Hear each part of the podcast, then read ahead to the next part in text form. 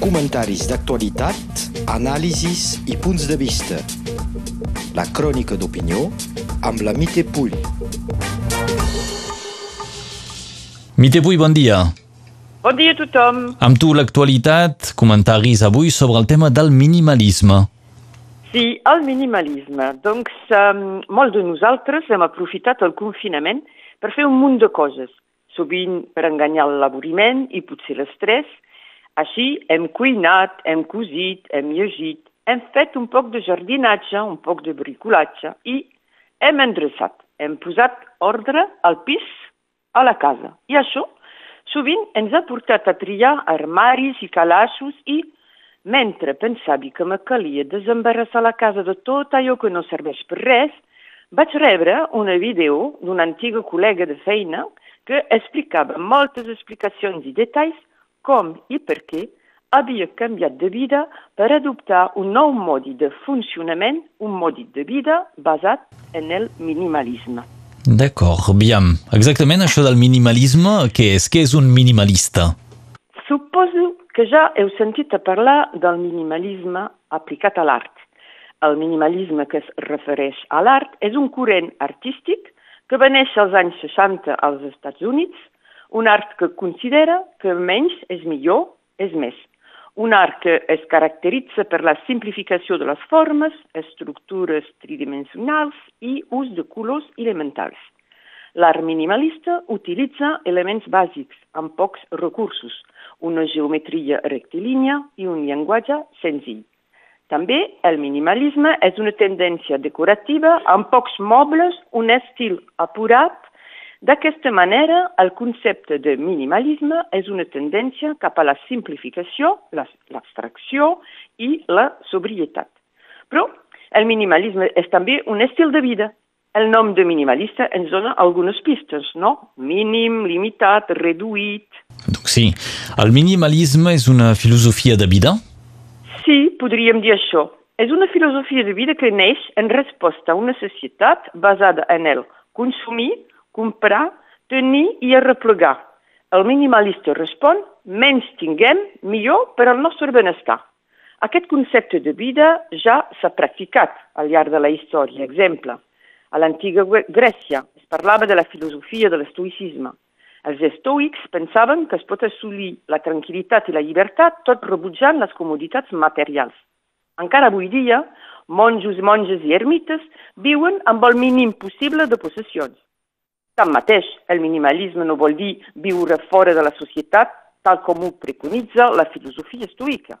Podem pensar, també, que els primers minimalistes de la nostra època són els hippies americans dels anys 60-70. Un moviment que va sorgir en contra de la societat de consum, de la guerra, de la contaminació, un moviment que volia reduir i fer comuns els serveis i relació social. També al final dels anys 90, als Estats Units, el psicòleg Martin Seligman va elaborar la filosofia positiva, que estableix el benestar amb cinc aspectes. Hem de gaudir dels petits plers de la vida. Ens sentim realitzats amb les activitats, les aficions i la feina. Les accions donen sentit a les nostres vides i contribueixen al bé comú. Hem de mantenir relacions positives. La felicitat depèn en gran mesura de les relacions personals i, per acabar, no basar la nostra vida només en coses materials. Vet aquí algunes bones recomanacions, però qui són finalment els minimalistes? Cada vegada hi ha més gent que practica el minimalisme com un modi de vida conscient. No es tracta de practicar l'ascetisme, no som pas dins la filosofia de sense res ho tenim tot. Amb el minimalisme es tracta efectivament de viure amb menys, però no pel ple de posseir-ne menys, sinó com una manera de focalitzar-se en allò realment important. Tampoc no és un plantejament anticonsumista, no es tracta de reduir el no-res, ni de llençar per llençar, perquè sovint seria una excusa per poder comprar coses noves. El minimalista practica un consum responsable i sostenible. El minimalista cerca la felicitat no a través de les coses materials, sinó a través de la vida mateixa. Un estil de vida que esdevé una crítica lúcida del sistema consumista compulsiu. Molt sovint comprem per omplir un buit. Mm -hmm. I a quin moment i per què una persona pot decidir practicar el minimalisme? És quan un pren consciència del que de debò importa la seva vida. Tenir i tenir més pot fer feliç una temporada, però hi ha coses molt més senzilles que omplen més, com per exemple les experiències, les persones, la natura. Es pot adoptar el minimalisme per motiu d'un canviament a la seva vida. Pot ser un canvi laboral o per jubilació o per raons més personals. No existeix un minimalisme, sinó que cadascú fa la seva pròpia versió en funció de les seves pròpies necessitats. I serà diferent, segons si és amb parella, si té fills. Per cada persona l'enfocament serà diferent.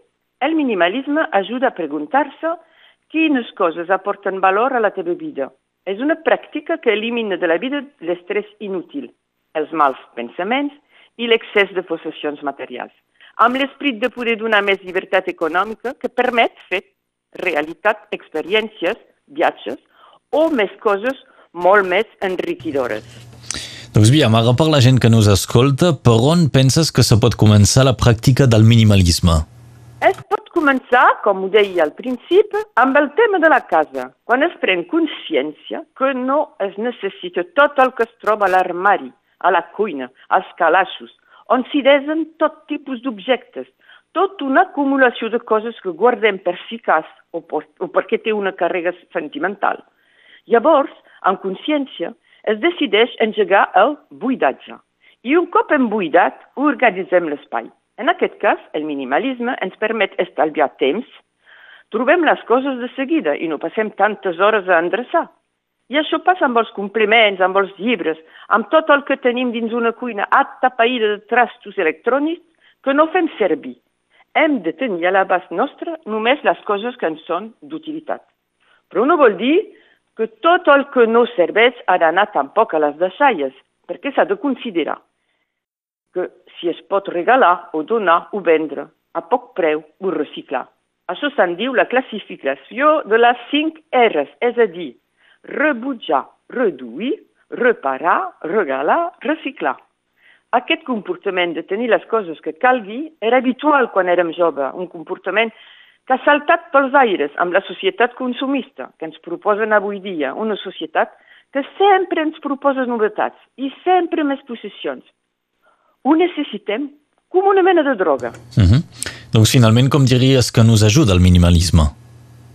Els que practiquen aquest corrent de pensament ho tenen clar. Ningú no és més o menys per ser més ric o més pobre. Per ells, deixar enrere una vida de consumisme és deixar de comparar-se amb la resta de persones al voltant, deixar davant d'un pensament basat només en el materialisme.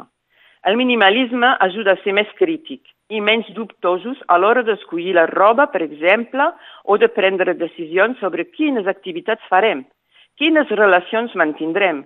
Quins camins professionals agafarem? Els minimalistes són persones que més aviat gestionen, cadascú segons les seves necessitats pròpies, perquè el minimalisme és flexible. Ens hem d'alliberar d'allò sobrer i cada individu és diferent segons les seves prioritats. Aquesta teoria la practiquen molta gent sense haver-hi posat un nom a sobre. En resum, la teoria minimalista es basa en un consum responsable, un consum que deixa de comprar coses prescindibles, que sovint, recordo, ens arriben de Xina i representen un desgast important per l'ecosistema. Una teoria minimalista es basa en canviar les possessions materials per experiències i enriquiment personal, tot i prioritzant el que som i no el que tenim. Almenys és més. Avui descobríem el minimalisme amb Mité Pull. Moltes gràcies, Mité. Adéu tothom. Comentaris d'actualitat, anàlisis i punts de vista. La crònica d'opinió amb la Mité Pull.